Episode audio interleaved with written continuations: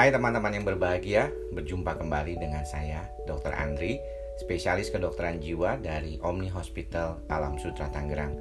Di kesempatan kali ini saya sengaja ingin menegaskan kembali bagaimana kita bisa mengenali masalah-masalah psikosomatik, terutama mengaitkannya dengan dasar gangguannya.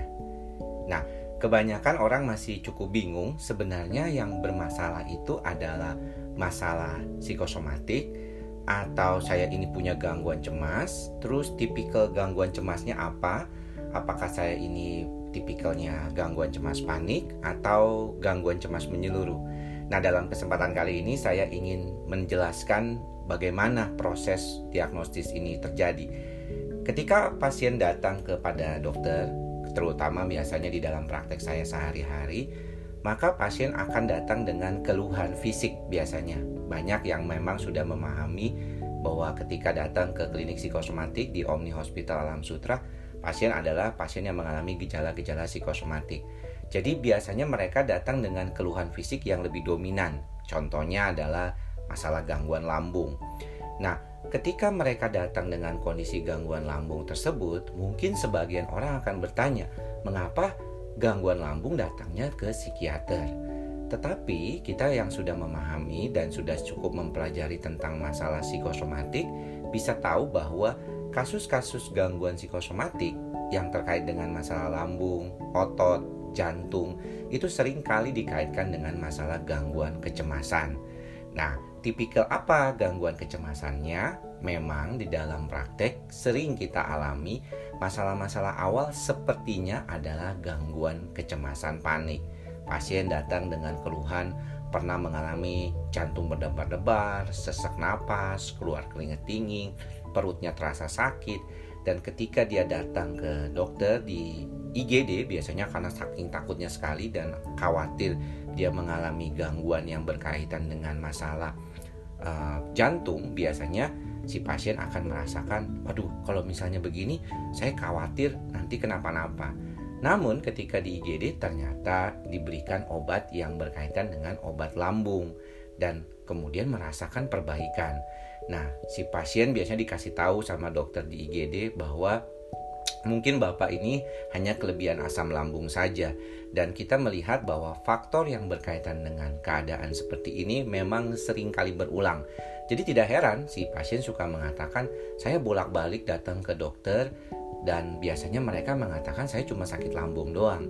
Tetapi kemudian saya datang ke spesialis dokter gastro dan mereka mengatakan ketika di endoskopi Bapak tidak ada masalah yang terlalu berarti dengan kondisinya. Maka daripada itu mereka akhirnya mencoba mencari-cari tahu apa sebenarnya keadaan ini.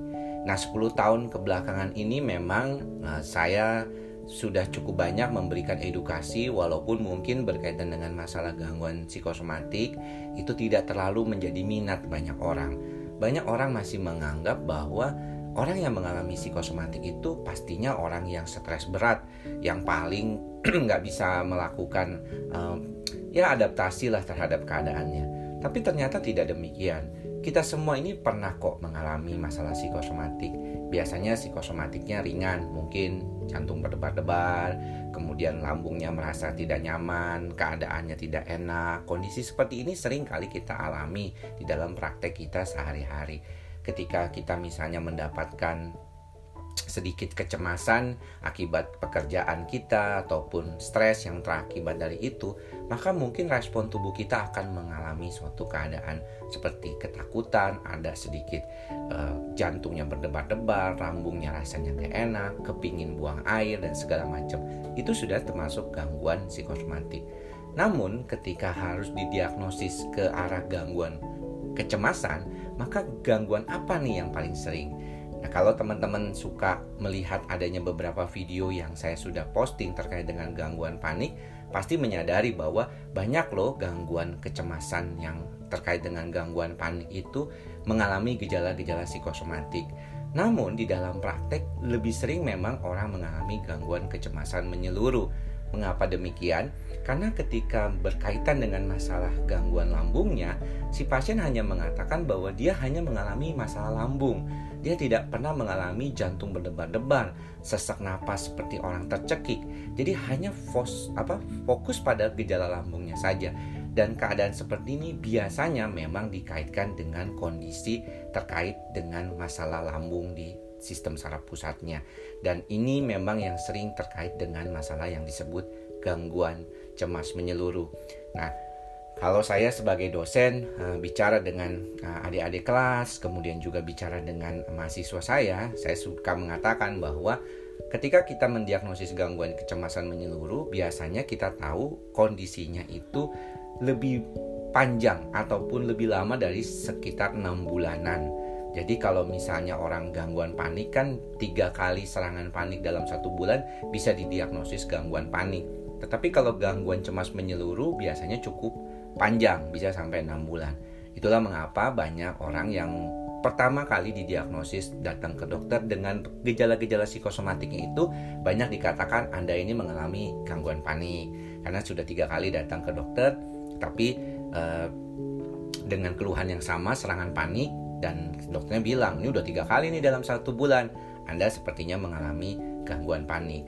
Tetapi kalau dalam jangka yang panjang, karena biasanya pasien-pasien yang datang ke saya itu memang sudah lebih kronis, mereka mengatakan sebenarnya ini sudah cukup lama dok. Saya punya pengalaman seperti ini. Sering mengalami cemas was-was terhadap sesuatu. Saya memang punya latar belakang perfeksionis ingin semuanya sempurna ingin semuanya bagus. Dan itu yang sering kali menjadi problem terkait dengan keadaannya maka daripada itu yang paling sering untuk dilakukan adalah mengobati dasarnya.